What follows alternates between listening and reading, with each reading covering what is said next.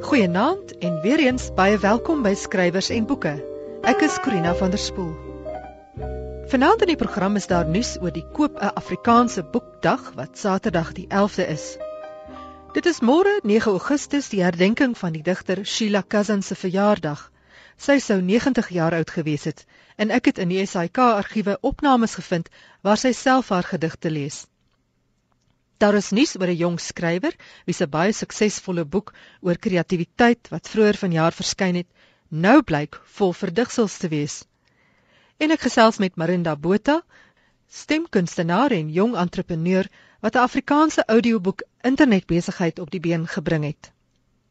Daar is Terrens April se gereelde rubriek. Vandag vertel hy meer oor die Senegaleesgebore skrywer Aminata Soufol. En ten slotte gesels ek met die skrywer Wilna Adrianse, wie se roman 'n klein lewe onlangs by Tafelberg Uitgewers verskyn het.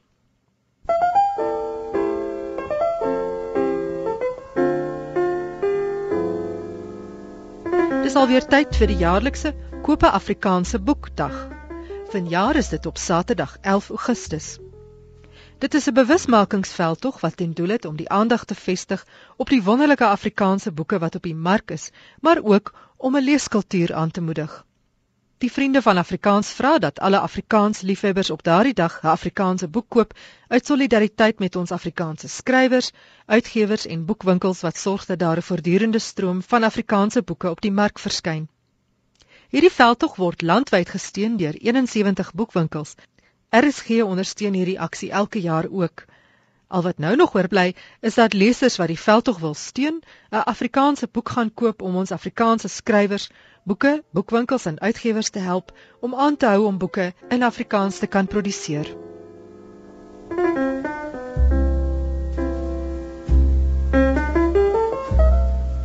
Sheila Cousins is op 9 Augustus 1922 op die sendingstasie Morawië naby Piketberg gebore. Benewens haar talent as skilderes en beeldende kunstenares, was sy een van die belangrikste digters in Afrikaans. Oor haar dubbeldoor talent het sy gesê: Van vroeg af was daar 'n stryd tussen die skrywer en die skilder in my. Hierdie twee spalt was dikwels 'n tema in my poësie. Dit was 'n onnodige stryd. Ek het my al my lewe verbeel ek moet kwansuis tussen die twee kunsrigtinge kies. Ek moes eerder myself geleer het hoe om die twee kunsvorms met mekaar te versoen. Sheila Cousins het 11 digbundels in haar lewenstyd laat verskyn, waarvan die eerste, Plektrum wat in 1970 verskyn het met die Ingrid Jonker Prys bekroon is. Sy het verskeie ander pryse gewen waaronder die Eugene Maree Prys, die W.A. Hofmeyer Prys, die C&A Prys vir letterkunde en die Gesiene Hertzog Prys is in 1983 ook aan haar toegekend. Oor die Afrikaanse taal het sy gesê: Afrikaanse digters het die voordeel van 'n soepel taal. Dis soos 'n geskenk want in Afrikaans lê soveel moontlikhede opgesluit. Daar is die al te vernuwende momente wat dwing tot fyne rym en die soek na die raak woord. Anders as in Engels is daar in Afrikaans 'n meer beperkte woordeskat om gevoelsmomente te omspan en om aan insigte gestalte te gee. Maar dit is juis die wonderlike en bevrydende uitdaging aan die digter. Min mense weet dat Cousins ook verhale van die Spaanse skrywer Jorge Borges uit Spaans vertaal het. Dit was tydens die tydperk wat Cousins in Spanje gewoon het met haar tweede man, Juan de Saladrigas. Die verhale is in 1981 deur Tafelberg Uitgewers uitgegee as Die vorm van die swaard en ander verhale. Oor die vertaling het Cousins gesê: Om Borges te vertaal is nie 'n maklike taak nie. Elke woord, elke leesteken kom jy gou agter is presies bereken en afgeweeg.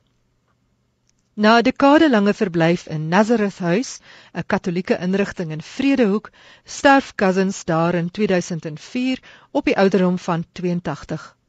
Sy sou môre 90 jaar oud gewees het. Ek het in die SAIK se argiewe navraag gedoen oor opnames deur Cousins self en twee gedigte gekies wat sy lees. Vuur loop deur 'n flessie. Ek ruik lekker. Indiese klingelwinkel soetgoed wier ook lekker. Uit vingerhoed flessies olietjies. Skel pink, safraanse geel, oranje is hoe ek ruik, lyk. En ek is 17 weer in Natal.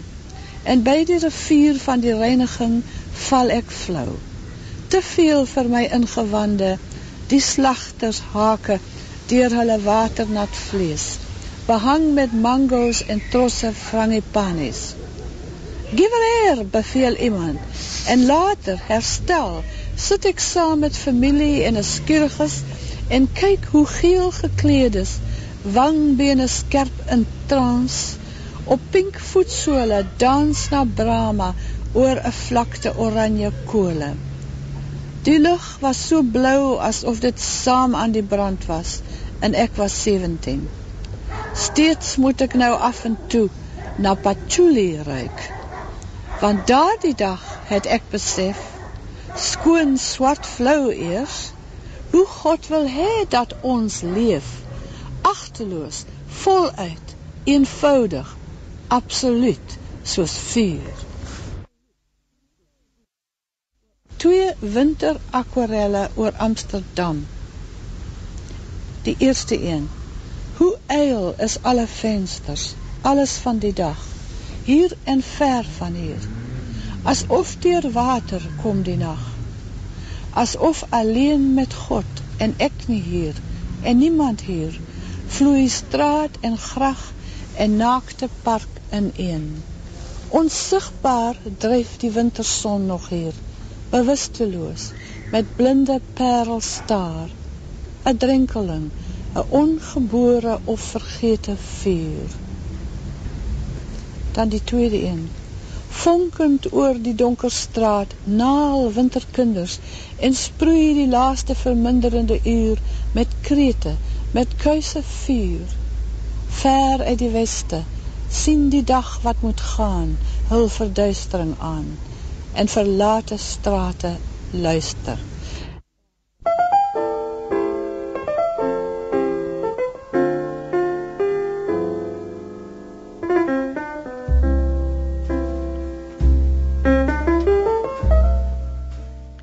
Verlede week het die nuus gebreek dat die jong Amerikaanse skrywer Jonah Lehrer se boek Imagine How Creativity Works straks heeltemal te kreatief met die waarheid omgegaan het. Die skrywer wat 'n redaksielid was van The New Yorker en wie se boek een van die topverkopers op Amazon se lys is, het sy werk by die tydskrif bedank en alle verkope van sy boek is nou opgeskort. Ek het met Kobus Burger, uitvoerende regisseur van drama by RSG, gesels hieroor. Hy het hierdie boek gelees en ek neem aan daar was groot teleurstelling by jou Kobus. Ja, ek dink veral by my Corina want ek het die boek verskriklik geniet en ek was baie opgewonde oor Jonah Lehrer as 'n skrywer, as 'n joernalis vir sy navorsing. Ek het 'n groot passie vir kreatiwiteit en ek dink daar's lanklaas so 'n boek geskryf oor kreatiwiteit. Ek was veral opgewonde omdat hy uit 'n wetenskaplike oogpunt navorsing gaan doen het oor kreatiwiteit. Daar's al in baie oor kreatiwiteit geskryf, maar nie altyd die wetenskaplike bewyse oor hoe kreatiwiteit werk nie of hoe 'n mens kreatiwiteit kan aanwakker nie. So vir my was dit fantasties om so 'n boek te kry en 'n vars stem. Ek dink Leo het 'n ongelooflike vermoë as skrywer om wetenskaplike konsepte aan die algemene publiek te te, te omskryf of te beskryf. Maar toe ek nou hier van hierdie nuus lees was dit net sjo so 'n wonderlike jong talent 'n vars skrywer iemand wat ek gedink het ek wil eintlik al sy toekomstige boeke lees. En nou kom dit uit dit dit is eintlik 'n uh, groot bedrogspel op alle vlakke nou Kobus wat is nou eintlik die storie en wat het fout gegaan? Daar's een hoofstuk wat gaan oor Bob Dylan en hoe Bob Dylan byvoorbeeld liedjies geskryf het en uh, die ander joernalis het hom toe gekontak en gesê maar dit lyk vir my dat uh, hierdie um, aanhalinge van Bob Dylan bestaan nie. En hy het hoog en laag gesweer en gesê dit bestaan wel en allerhande verskonings gegee of bronne. Hy het byvoorbeeld gesê dit kom uit 'n dokumentêr deur Martin Scorsese en hierdie ander joernalis is uh, 'n so groot kenner van van Bob Dylan se werk en hy het ook daar's 'n groot database op die internet waar alles wat Bob Dylan ooit gesê het bestaan. En dit bestaan nie hierdie aanhalinge nie. En op die ouene het Lehrer hom net vas uh, gewoel in 'n web van leuns eintlik en toe maar hy moes hy erken uh, dat die aanhalinge van Bob Dylan uh, sommige van hulle bestaan glad nie. Hy het eintlik die aanhalinge verdig en, en uitgedink En dit het ook intussen aan die lig gekom dat baie van die hoofstukke en werk in die boek is eintlik uh, artikels wat Lara voorheen op die internet gepubliseer het. So hulle praat van selfplagiaat dat hy het vir sy uitgewer gesê dis oorspronklike werk, maar dit is nie oorspronklike werk nie want dit is elders gepubliseer. So mense het ook gegoogel en gesê luister hierso, ehm um, die goed in die boek is is nie nuut nie. En hulle sê byvoorbeeld hy moes in die boek dan erkenning gegee het aan hierdie artikels wat ek dink van dit is voorheen in the Washington Post gepubliseer. Ek het byvoorbeeld voor die boek verskyn het, het ek groot van die boek voorheen gelees eintlik. So wat ek in die boek gelees het was nie altyd vir my nuut nie, maar hy verwys nie daarna in die boek om te sê maar dit is voorheen elders gepubliseer nie. So die New Yorker het ook um, hy toe bedank by die New Yorker na 2 maande, maar hy het ook gesê jy weet dit gaan oor integriteit en en sy het sy integriteit as joernalis basies verloor. Nou ja, dit is 'n ontsettende prestigeryke tydskrif die New Yorker om voor te werk en dan ook nog so jonk te wees. So dis eintlik ontsettend jammer uit sy oogpunt. Maar ja, dit is nie die eerste keer wat dit gebeur nie. Daar's 'n 'n film wat my wat ek gesien het wat my aandag eintlik getrek het op die joernalis Steven Glass wat gewerk het vir die New Republican en die film wat eintlik baie interessant is om te sien vir mense wat geïnteresseerd is hierin is Shattered Glass. En dit gaan oor 'n jong joernalis ook, ek dink hy's nog nie 30 nie wat werk vir hierdie uh, belangrike tydskrif en dan artikels skrywe waarvan dit nou uiteindelik blyk dat hy stories opgemaak het. Hy het gesê hy het mense gaan uh, onderhoude gaan voer met hulle en dan het hy glad nie. In die film wys dit eintlik ontsettend interessant. Nou, Kobus, is die probleem nie dan eintlik een van dat dit baie moeilik is om oorspronklik te wees nie? Dis interessant want en is ook eintlik ironies want dit is tog een van die goed waaroor die boek gaan oor oorspronklikheid of oor hoe om oorspronklik te wees.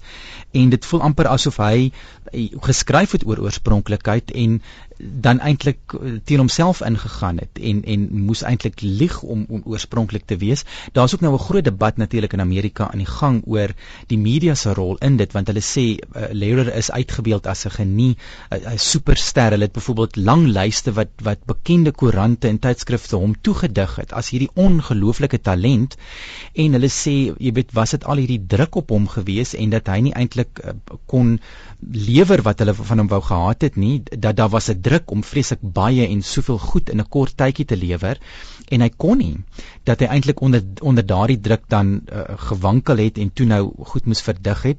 Um, iemand anders het gesê maar miskien is dit maar net swak navorsingstegniek dat hy nie uh, sy bronne behoorlik verklaar het of wat ook al nie. Jy weet so daar's allerlei teorieë nou daaroor hoekom hy dit gedoen het, maar um, dit sal jammer wees want sy boek gaan dan oor oor oorspronklikheid, hoe om kreatief te wees en hy kon steeds kreatief gewees het sonder om aanhalinge te gaan opmaak oor Bob Dylan. Ja, maar ek lees nou hier byvoorbeeld die een aanhaling wat hy gebruik kom uit 'n bekende uh, dokumentêr wat gemaak is oor Bob Dylan Don't Look Back in die 60s, 1960s, waarin Dylan vir 'n verslaggewer gesê het oor sy liedjies, I just write them. There's no great message. En dan Lehrer het 'n derde sinnetjie bygevoeg, Stop asking me to explain, wat glo nie in die film is nie. Nou jy weet Ja, wel Dylan het dit nou nie gesê nie en hy is natuurlik nou uitgevang omdat daar so baie Dylan disippels in die hele wêreld is, maar ja, dit voel nou nie vir my so erg nie, maar ek neem aan die die probleem is hoe waar is enigiets anders dan in die boek, nê? Nee? Kyk, daar's ook mense wat nou sê, kyk die boek is intussen van die rak gehaal, selfs die e-boek word nie meer versprei nie. So daar's mense wat sê, jy weet, is daar dan ook nie ander vergrype in die boek nie. Ons het nou hom op Bob Dylan uitgevang, maar ek bedoel het hy nie ander uh goed ook maar net jy weet afgewater of dinge verdran nie. Mense sal nou nie weet nie, maar uh, jy weet baie ander joernaliste sê dit is een van die basiese aspekte van journalistiek is om iets 'n tweede of 'n derde of selfs 'n vierde keer na te gaan. Jy moet jou feite nagaan, die redakteur van jou boek moet feite nagaan. Dit moet akkuraat wees. En wat hulle ook sê wat ons besig is om te doen maar as gevolg van die internet is ons is geneig om net enige iets wat ons op die internet lees of deesdae selfs in boeke te glo. Ons het nie meer daai kritiese denke om 'n tweede of 'n derde keer te kan kyk maar jy weet ons hoor iets of ons lees iets en ons herhaal dit asof dit die waarheid is. So daai kritiese denke wat veral belangrik is in die journalistiek, ehm um, geld nog steeds en ek dink dit geld vir boeke, dit geld vir koerante, vir tydskrifte. Ek ek weet daar's 'n druk om baie vinnig en baie kort te skryf en mense wil in een sinnetjie alles op Twitter opsom byvoorbeeld, maar dit beteken nie dat 'n joernalis of iemand met statuur nie by die feite moet hou nie. Ek het wel 'n bietjie verder gelees in hierdie boek en daar's 'n hoofstuk met die naam van The Shakespeare Paradox wat daaroor gaan dat hoe kon die wonder en die en die genialiteit van Shakespeare gebeur het in Elisabethaanse Engeland. En ek moet sê ek het hierdie hoofstuk baie geniet en baie waarde daarin gevind. Hy praat byvoorbeeld oor die kreatiwiteit wat moontlik was omdat koningin Elisabeth I juis iemand was wat self teateropvoerings aangemoedig het wat vryheid van spraak toegelaat het baie meer as enigiemand van tevore. Met ander woorde daardie uitsprake wat Shakespeare het met sy court jester of die waarheid wat eintlik gespreek word aan die wat in mag is deur sy dramas was moontlik vir hom om te doen 'n vorige koning sou dit dalk nie kon toegelaat het nie. En verder is daar die feit dat daar 'n nuwe teater gebou was. Shakespeare se plays was waarskynlik van die heel eerste wat in the Rose teater opgevoer is. So daar's 'n daar's eintlik 'n hele atmosfeer wat reg was vir Shakespeare. En ek moet sê leerder beskryf dit baie interessant die boek word nou wel nie meer verkoop deur Amazon nie en ook nie meer die e-boeke nie, maar dit sou tog miskien jammer wees as die baba met die drinkwater uitgegooi word. Ek het die boek regtig baie geniet en, en daar's byvoorbeeld oor Orden as digter, hoe hy dig, daar's oor jou jou ma, hoe hy klassieke musiek maak waar hy in sy inspirasie vandaan kry. Hy verduidelik byvoorbeeld Nietzsche se se twee onderskeide tussen eintlik twee maniere van kreatief wees die Dionysus manier en die Apollo manier. So vir my is daar baie nut in die boek. Daar's baie uh, waardevolle goed en dit is vir my op 'n baie mooi manier geskryf, op 'n gemaklike manier en dit het daai wetenskaplike grondslag. So ek dink dit is deel van die tragiek en die hartseer vir my is dit dit is dis eintlik 'n wonderlike boek en hopelik kan hulle miskien nog steeds die boek verwerk of nou weer redigeer en uithaal wat dan nou nie akkuraat is nie want ek dink dit dit dit gee vir baie mense 'n goeie oorsig van kreatiwiteit en hy het ook byvoorbeeld die een helfte van die boek gaan oor individuele kreatiwiteit, hoe om op jou eie kreatief te wees en dan hoe om saam met ander kreatief te wees. So binne 'n groep of binne werksopset, maar ook dan as jy net alleen is as 'n skrywer byvoorbeeld. So ek ek dink dit is steeds 'n wonderlike boek. Dis net jammer dat dat iemand soos hy nou op so 'n manier tot 'n val moes gekom het en dat die boek nou net nie meer op die rakke is nie.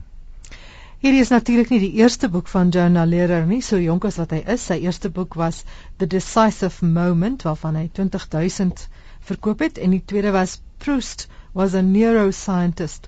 So dit lyk daarom of hierdie man dalk nog meer boeke in hom het en dat hy eintlik net van krag tot krag gaan gaan van hier af. Ons hou duim vas daarvoor. Dit was Kobus Burger wat meer vertel het oor die jong skrywer Jonah Lehrer wat uitgevang is dat hy nie heeltemal eerlik was met die skryf van sy boek nie.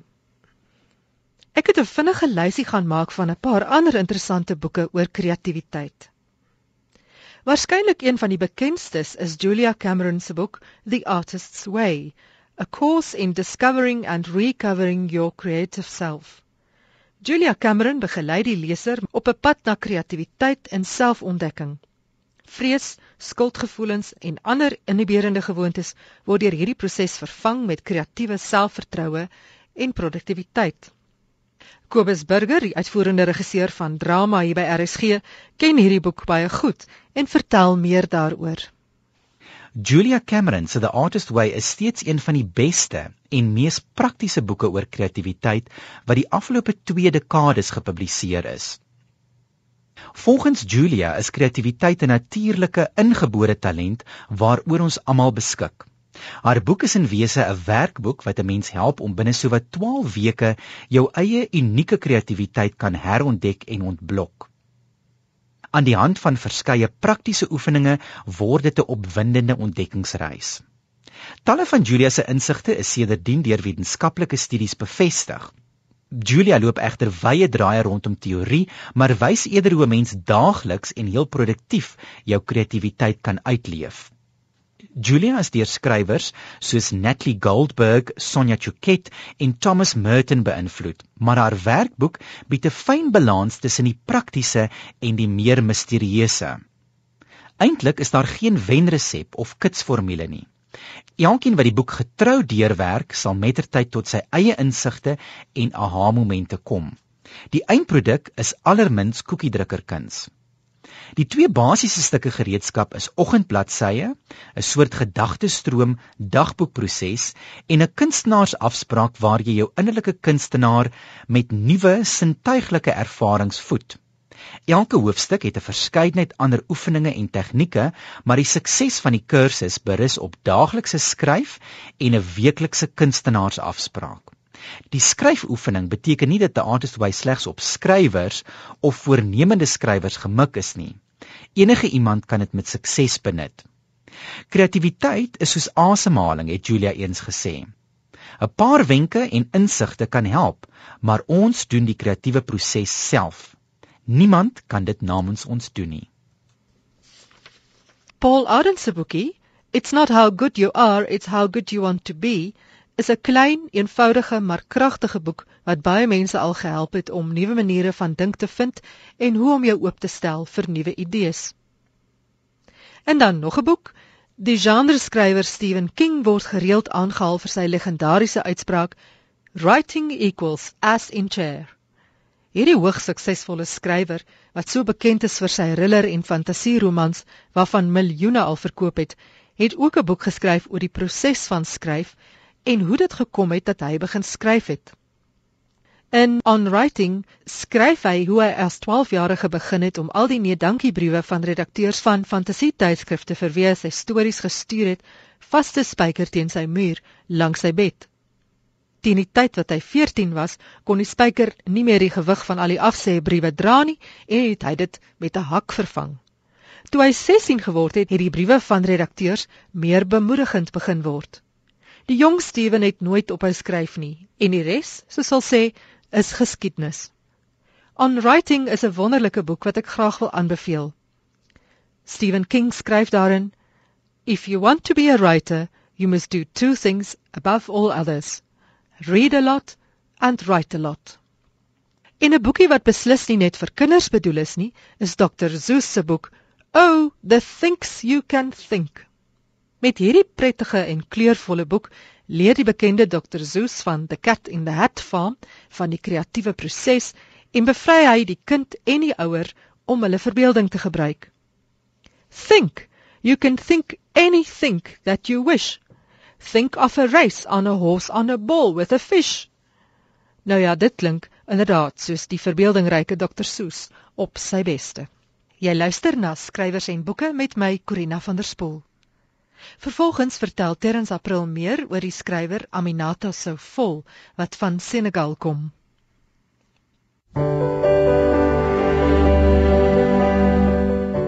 Die Wes-Afrika skrywer Aminata Soufol is in 1941 in St. Louis, Senegal gebore. Sy het later saam met haar familie na Dakar verhuis waar sy haar skoolopleiding voltooi het en na Frankryk gegaan om 'n graad in moderne tale te gaan voltooi.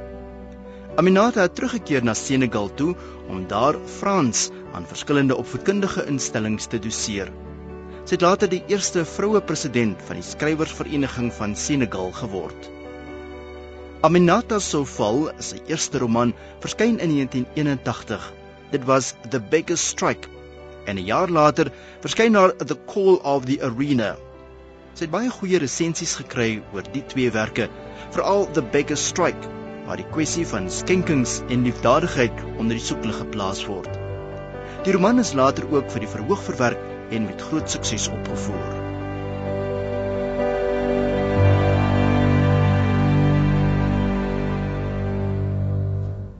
Dit was Terrens April. Nou gesels ek met Marinda Botha. Sy het 'n aanlyn Suid-Afrikaanse audioboekmaatskappy begin met die naam Better Than Paper. Marinda het 8 jaar lank as stemkunstenaar in Londen gewerk voordat sy na Suid-Afrika teruggekom het en haar audioboekonderneming begin het. Vertel 'n bietjie meer van jouself en waar die idee van Better Than Paper vandaan kom. Ek het uh, drama gestudeer in by Tikkies. So ek kom van Pretoria Oos af. En ek het direk na universiteit het ek uh, Londen toe gegaan. Ek wou jous gegaan het omdat ek meer belang gestel het in poppeteater en fisieke teater en mimiek en ek wil graag daarin verder gaan studeer het. ek was so 2 of 3 jaar daar in die land, toe kry ek die geleentheid om stemwerk te doen by 'n baie deftige klankateljee in Londen. En dit was my eerste smaakie van stemwerk en dit was 'n Afrikaanse radioadvertensie wat ek in die uh klankateljee moes doen en die regisseur kon glad nie Afrikaans praat nie. En dit was my net ongelooflik. Ek sal dit nooit vergeet nie toe ek daar sit in die studio en ek sit daai oorfone op my op my kop. Dit is net vir my ongelooflik. So dis waar my liefde al het ek drama geswat het my liefde vir vir stemwerk het eers begin toe ek daar sit en dat ek in my eie taal dit kon doen. Dit was my regtig fantasties. En daar verder het ek ek vir my agent gekry en ek het 'n klomp stemwerk daar gedoen in Afrikaans en in Suid-Afrika en in Engels. En ek was seker so 5 jaar daar in die land. Toe begin ek so rond te kyk want daar's 'n verskriklike sterk leeskultuur in Londen. Weet jy, almal is besig om te pendel, weet hulle gaan werk toe en terug is ten minste 'n uur per dag per uh roete tripie wat jy doen. So mense dis baie soos in Suid-Afrika dat jy sit ten minste 2, 3 ure van jou tyd per dag sit jy in pendel. En almal daar lees en as hulle nie 'n boek op hulle skoot het nie, het hulle oorfoon hulle ore en hulle luister na hulle iPad of MP3 speler. Omdat daar so baie Suid-Afrikaners in Londen is, het ek begin te dink aan hier is elke geleentheid. En dis waar die idee van Better Than Paper begin het. Voordat ons verder praat oor Better Than Paper, ek vind dit nou baie interessant dat jy nou as stemkunstenaar en as Suid-Afrikaner kon werk met wat waarskynlik 'n Suid-Afrikaanse aksent was in Londen. Het hulle juis 'n behoefte daaraan of begin jy soos Engels praat? Ek dink ek het redelik my Engels veral is is redelik neutraal. En dit was nogal vir my eintlik verskriklik interessant. As as hulle my ingekry het en sê hulle soek 'n South African accent, dan kom ek in en ek en ek doen 'n weet 'n eerste take en dan kry hulle so 'n frons op hulle gesig en hulle sê, "But can you sound a bit more South African?" Dan dit was my verskriklik interessant. Hulle wil nie soos as as 'n Afrikaanse persoon wat nie goed kan Engels praat nie, Engels praat. Hulle is mal oor daai aksent. Better than paper wat gespel word B E T A T H A N P A P E R better than paper een woord. Ehm um, is daar nie so iets reeds in Suid-Afrika nie as jy die eerste? Daar is ek is bewus van een of twee ander maatskappye wat audioboeke, Suid-Afrikaanse audioboeke in digitale formaat verkoop.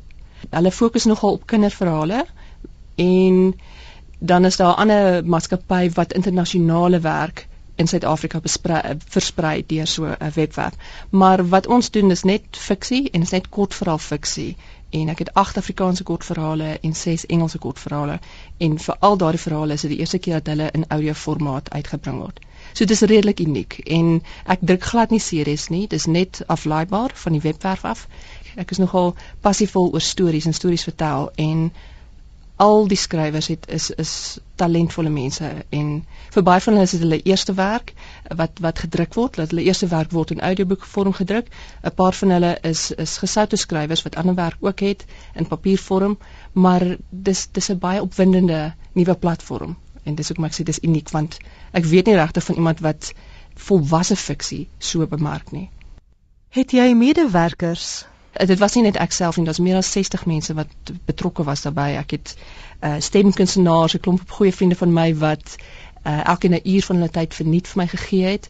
En ek het uh musikante wat vir my musiek gekomponeer het en wat ook bydra tot die tot die hele gevoel van die produk en dan het ek illustreerders wat vir my uh voorblaaie gemaak het en dan natuurlik skrywers en 'n proefleser. So daar was dis nie net ek en en die stemkunstenaars uh wat die ding gemaak het nie. Dis dis wat ook wat vir my so wonderlik is van die projek want daar was verskriklik baie mense wat vir my hulle tyd en talent gegee het wat geglo het in die produk. So dit lyk vir my dis redelik unieke Suid-Afrikaanse kortverhale as ek dit ja. reg verstaan. Dis uh nooit langer as so 20 minute of so nie. Ja, die langste verhaal dink is 35 minute. Die kortste een is so 13 minute. En het jy enige voorbeelde daarvan? Ek het jy's ek het jy so een van my uh, skrywers saamgebring. Erik Moller is uh, 'n baie ou vriend van my. Hallo Erik. Hallo. en um Erik was hoekom ek graag gewou gehad het Erik moes saamkom vandag want Erik was die eerste skrywer wat van sy werk vir my gegee het wat vir my gesê het hier is 'n kort verhaal vat hom ek glo in die projek en kom ons hardloop hier meer. Erik, wat is jou storie se naam? Uh my storie se naam is Kersfees in die Vrystaat. Dis baie kortlikse dis 'n storie wat afspeel hier rondom Kersfeestyd op 'n fiktiewe plaas in die Vrystaat met die naam van Boeredom. Dan gaan dit maar oor Die feit dat die boer begin agterkom die kuikentjies raak weg uit sy uit sy hoenderhok uit en hy raak natuurlik heel opgeklits daaroor. En dan is daar so ietsie anders wat ek ek hou nogal daarvan om dit te doen in 'n storie. Dit is so half 'n substorie. So hier halfpad deur skuif ek bietjie die fokus of na uh, af, af na um, ander mense wat in die familie is of ander mense op die plaas of ander mense wat op een of ander manier vir verband hou en verband het met die hele ding. Daaroor sal ek nou nie te veel sê in die stadium nie want ek dink dit is nogal 'n redelike verrassing. Ja, dis kortliks waaroor hy gaan. Nou Erik, jy is 'n onderwyser, 'n kunsonderwyser en ook kunstenaar. Ja. Maar is dit die eerste verhaal wat jy geskryf het? Nee, dis nie die eerste verhaal wat ek geskryf het nie. Ek skryf eintlik al vir baie lank al. Um, ek het op universiteit ook letterkunde um, geswat. Uh, ek skryf al vir baie lank al kortverhale, maar ek het my kortverhale self is nog nie um, gepubliseer nie. Ek het wel vroeër die jaar en verlede jaar het ek 'n uh, 'n boek uitgegee, hy het eers oor see verskyn en nou sy in Suid-Afrika beskikbaar wat maar so bietjie gaan oor 'n uh, avonture en ervarings wat ek in Parys gehad het toe ek vir 3 jaar daar gewoon het. Ag vir 3, wat praat ek? 3 maande daar gebly het. ek sien ek het dit in my hand en die titel daarvan is 86 Days in the City of Lights an artist's perspective on Paris en dit klink dit klink vir my na 'n prettige boek met fotos en resepte selfs. Een. En dit is hoe om goedkoop hoender in Parys te maak met rooi wyn seker. met baie rooi wyn en baie wit wyn en baie lekker wyn in Parys, ja. Kom ons luister na 'n kort stukkie van Erik Muller se voorlesing van sy audioboek, 'n kort verhaal met die titel Kersfees in die Vrystaat. Op die plaas Boeredom gaan dit nie te goed nie. Maar soos die taal nou maar is, is nie te goed nie ook maar 'n relatiewe begrip. En wie is ons dan ook om so sommer lukraak te besluit wat diep in die sielswaters van ander omgaan? sien, die saak staan so. As 'n mens die afgelope droogte, die omkeerbare plaag van back and closure, ronde wurm, platwurm, langwurm, kortwurm, ronde platwurm en deurmekaar wurm in ag neem, dan gaan dit nou eintlik goed op die plaas boeredom. 'n Mens wil amper sê punt in die wind en klop dusselboom. Dit was Erik Muller wat die begin van sy audioboek gelees het. Marinda, watse soort boeke is daar op julle webblad te vind? Op hierdie stadium ek het 'n paar kinderverhale, Afrikaans en Engels en uh ek wil graag ek is passievol oor storie vertel. So ek het nie ek het een nie fiksie verhaal wat 'n Christelike audioboek is deur Ria Jordan en die res is alles fiksie en dis dis vir my daar's baie dramatiese werk en daar's baie komiese werk ook. Ek probeer 'n balans vind tussen die twee want ek weet as Suid-Afrikaners ons hou daarvan om te lag. So ek het probeer my balans te kry van van komiese werk ehm um, en maar ook ons is seker goeie skrywers in Suid-Afrika. Weet in drama dis lê baie na in my hart ook. So ek ek dink ek het 'n redelike balans tussen die dra dramatiese en die komiese. Waar kan 'n mens hierdie audioboeke vind en hoe werk dit? OK. Jy moet gaan na ons webwerf toe en dan registreer jy en dan uh, en dit is dit is 'n better than paper so dis www.better.than p-a-p-e-r.co.za. So 'n bietjie moeilik. Dit klink soos better than paper, maar dit is beta than paper. So dan gaan na die webwerf toe, jy registreer en dan kan jy luister na die ehm um, audio trailers. Ekskuus, ek weet nie wat mense Afrikaans noem nie.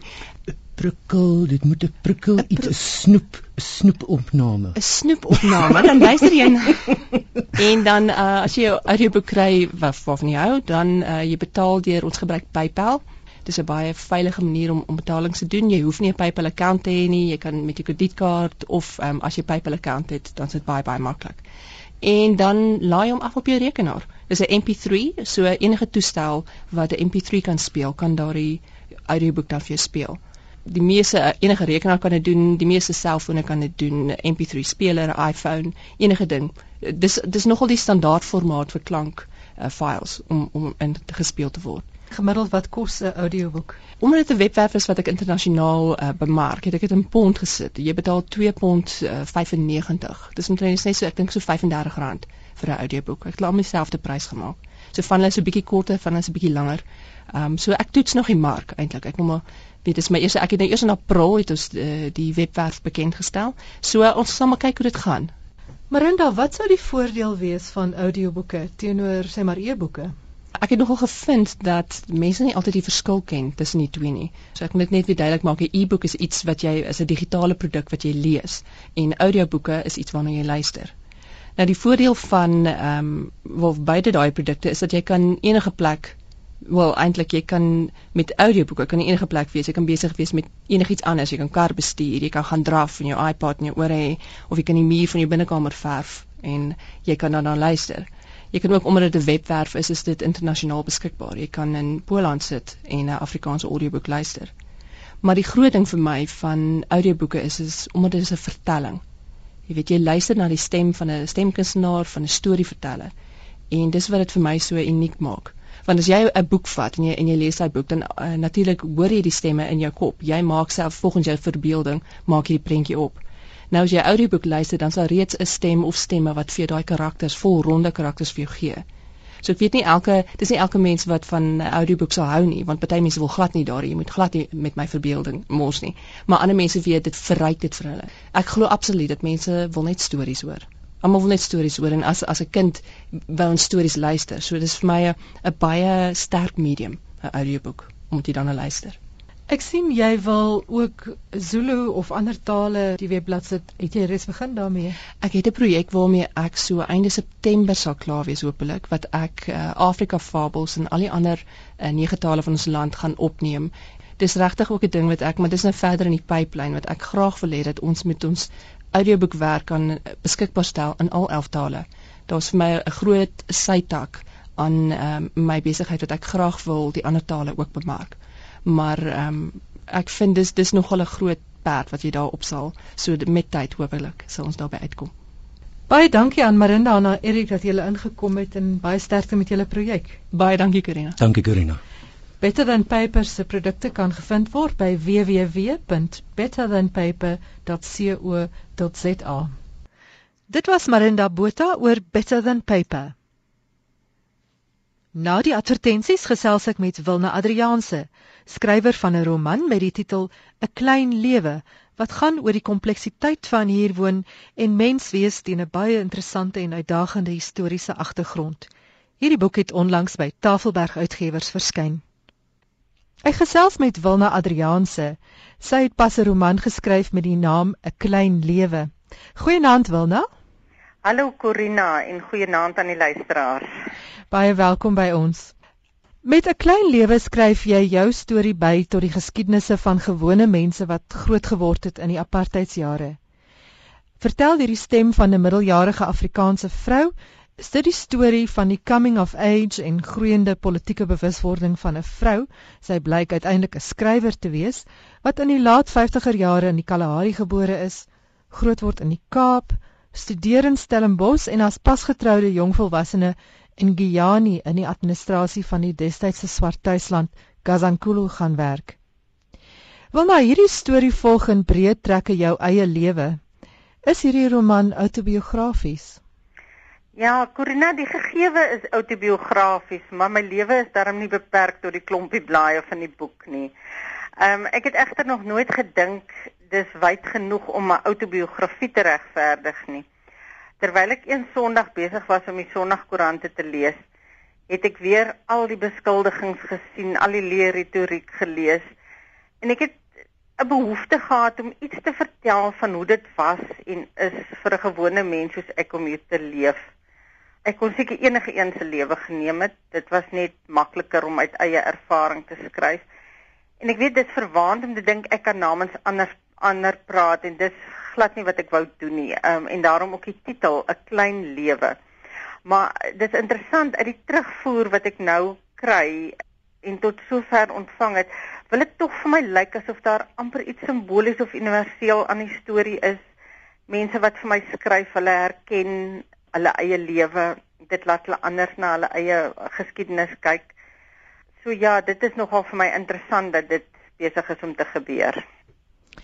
Jy is ook skrywer van liefdesverhale en jy het verskeie al geskryf waarvan die mees onlangse 4 seisoene kind in 2011 die ATKV liefdesromanprys gewen het. Was dit 'n baie ander soort proses om 'n klein lewe te skryf? Ja, die skryfproses was heeltemal anders, behalwe dat ek dit ook sien as 'n storie. Maar eerstens is hierdie verhaal as deel van my meestersgraadstudie in kreatiewe skryfkuns geskryf. So, jy weet gewoonlik skryf ek eers 'n verhaal klaar voor my uitgewer dit sien en met hierdie manuskrip het ek 'n studieleier gehad en moes ek gewoon daaraan word om meer oor die storie te praat gedurende die proses van skryf. Um en dan het die inhoud van die verhaal het dit ook anders gemaak. Ek was die hele tyd bewus van die kronologie van gebeure. Ek wou ook nie dit nie kronologies skryf nie. Daar was vir my iets van dat ek die eerste knoop begin maak het, was daar vir my iets belangrik aan dat ek dit soos dit gebeur het moet probeer um vertel. Ek het van die begin af besluit ek wil graag iets anders aanpak. 'n mens kry nie elke dag die geleentheid om onder sulke omstandighede 'n boek te skryf nie. En ek dink dit sou dom van my wees om eh, te sê ek wil graag 'n beproefde resep van my probeer. So op daardie stadium was ek 10 jaar lank besig om te skryf en dit het na ideale tyd gevoel om 'n bietjie buite my raamwerk te waag. Dit uh, en ek moet sê dit was nogal 'n goeie kop skoonmaker geweest. Wat bedoel jy met sulke omstandighede wat mense nie altyd kry nie? Ehm um, my studieleier was professor Etienne van Heerden by die Universiteit van Kaapstad en dit was 'n 'n besonderse voorreg geweest om saam met hom te kan werk en onder sy leiding te kan werk. So dit was ja, dit was omstandighede wat nou nie elke dag om voordoen nie. Die roman is 'n soort narratief waarmee die verteller al skrywende haar eie storie beter mee wil verstaan. Dink jy om te skryf kan 'n vorm van terapie wees en dink jy dit kan heling bring?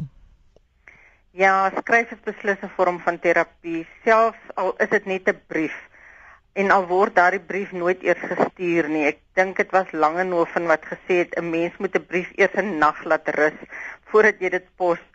Ehm um, jy sal dikwels vind die volgende oggend voel jy jy klaar bereik wat jy wou met die brief bereik het. Woorde op papier is baie kragtig en ek het weer met die skryf van hierdie verhaal besef hoe versigtig 'n mens jou woorde moet kies. En skryf kan kan beslis heling bring.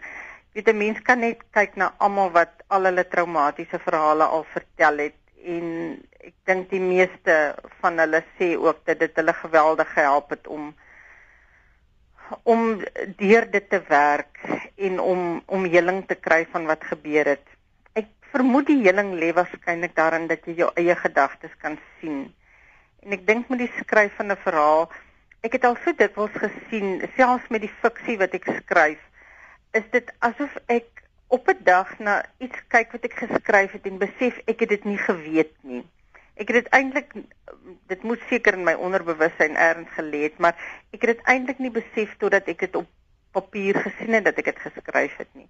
So ek dink 'n mens skryf soms om iets uit jouself uit ook los te skryf, né? Jy weef 'n interessante leesgeskiedenis in die roman in met verwysings na die boeke wat die verteller lees en elke hoofstuk begin met 'n motto wat kom meestal van bekende skrywers.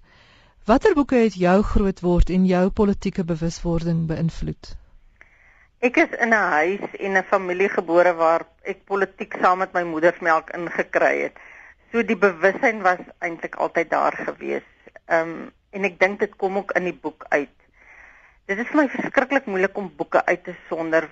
Woorde en stories het my sedert my vroegste kinderjare bekoor en ek was nog altyd bewus van die krag van woorde.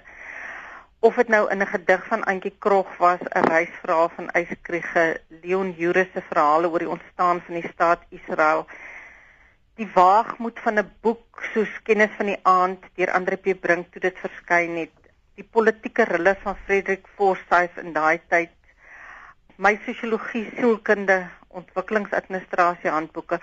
Onder al die woorde was was stories wat my blik op die lewe gevorm het dink ek en veral vir die feit dat elkeen 'n storie het 'n feit waarvoor ek natuurlik toenemend 'n alheilige respek ontwikkel en ek dink weet jy selfs in my kindertyd toe ek so graag die kinders van die wêreld gelees het.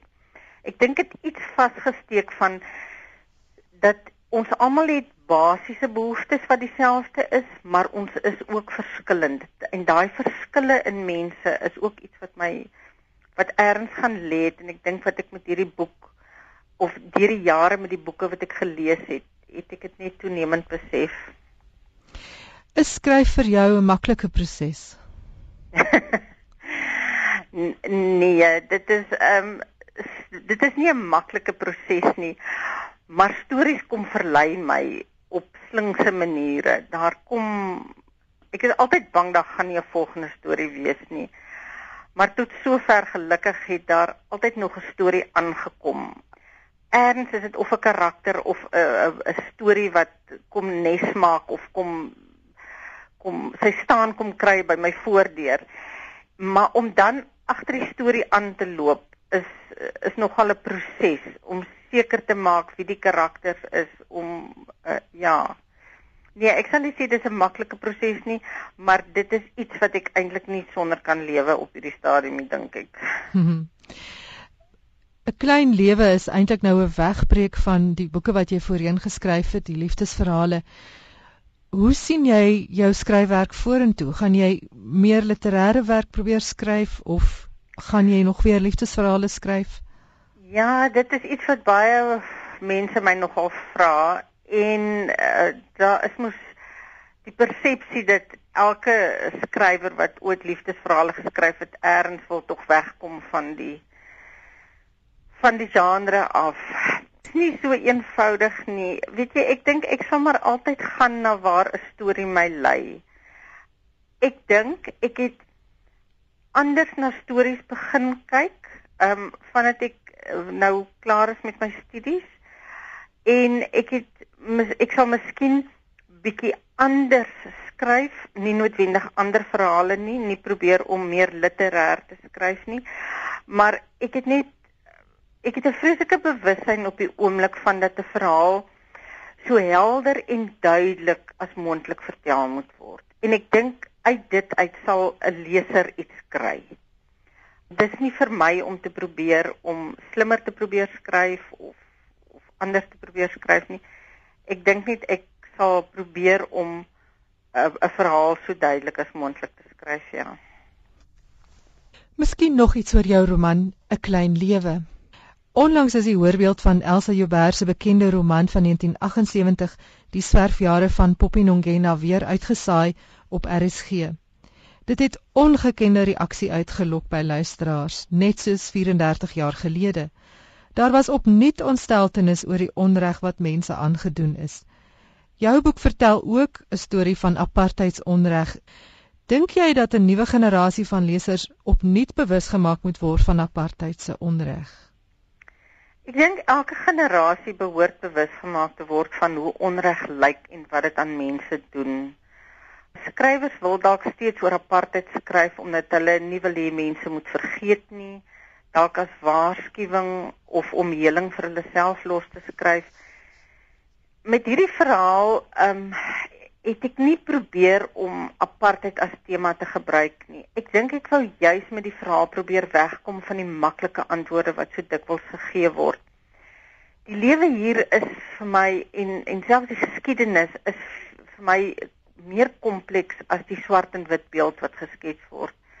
En 'n mens vergeet dikwels dat onder al die politieke retoriek is ons almal mense en dis daardie menswees waaroor ek graag wou skryf.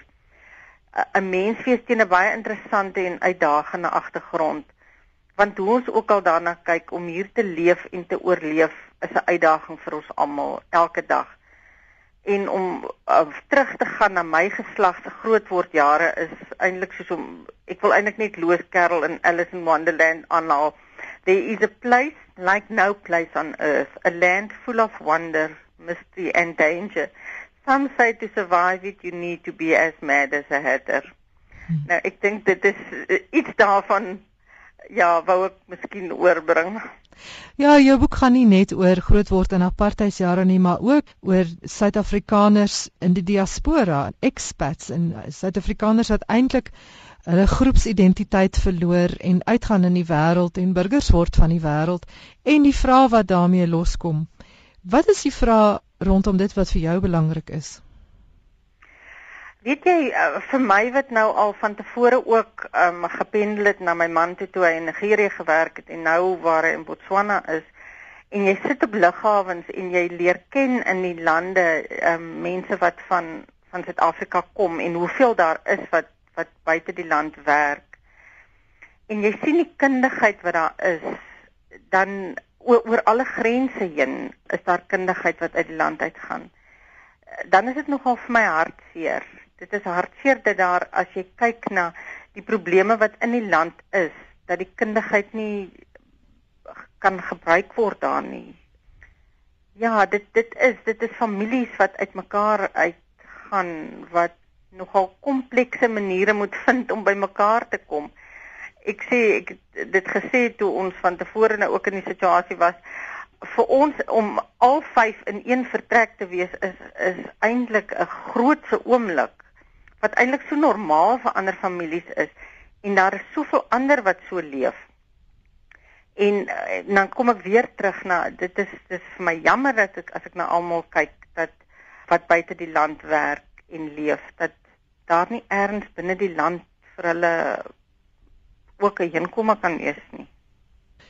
Ek wonder watter boeke lê nou op jou bedkassie. Op die oomblik lê daar twee. Die een is Poppekas van Deborah Steinmar en die een is The Lacuna van Barbara Kingsolver. Hulle is nou wat nou, ek het nou uh, al 'n entjie met The Lacuna en dan volgende wil ek wil ek Poppekas lees. Watter boeke het jou geraak in die mees onlangse tyd? Weet jy terwyl ek besig was met die studies het ek gelees uh, eh, Death in Venice en dit was 'n boek wat ek nie eintlik aanvat kon kry aan die begin nie. Ek kon nie regtig met die karakter weet aanklank vind nie, maar tog eers in daai boek uh, erken 'n mens iets van daai terugverlang na die jeug wat wat my nogal op 'n vreemde plek geraak het. Baie dankie Wilna, dit was baie lekker om met jou te gesels. Baie dankie Corina. Ek het gesels met Wilna Adrianse oor haar nuwe roman 'n klein lewe. Dit is uitgegee deur Tafelberg Uitgewers. 'n Gelukkige luisteraar kan 'n eksemplaar van 'n klein lewe wen indien jy die regte antwoord SMS op die vraag wat ek nou sal vra. Wat is die naam van die uitgewer by wie 'n klein lewe verskyn het? SMS die antwoord met jou naam na die nommer 3343. Onthou, elke SMS kos R1.50. Na vanaand se program sal Jenna Lee die wenner se naam aankondig. Die kompetisievraag weer: Wat is die naam van die uitgewer by wie 'n klein lewe verskyn het? Dit was dan vanaand se skrywers en boeke. Luister elke woensdag aand om 8uur na skrywers en boeke. Daar's ook 'n potgooi van die program beskikbaar op RSG se webtuiste by www.rsg.co.za. Ek is Corina van der Spool en ek groet jou. Tot volgende keer. thank you